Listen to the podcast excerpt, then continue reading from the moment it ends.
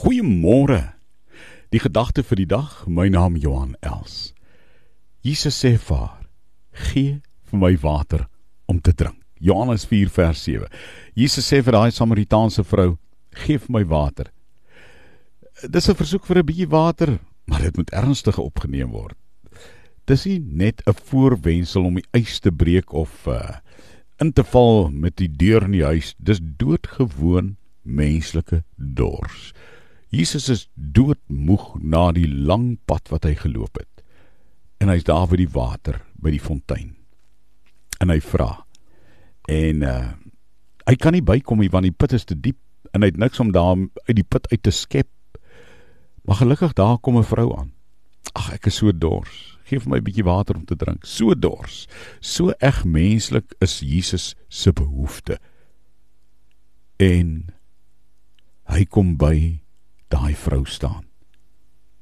Hoe diep het hy dan tot my en jou afgedaal?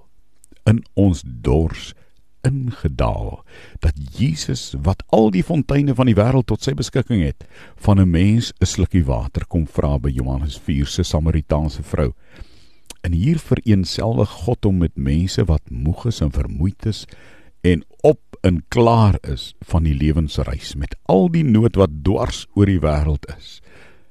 En in alle dors is hy dors. Gee vir my water om te drink. Hy vra nie veel nie, net 'n bietjie water.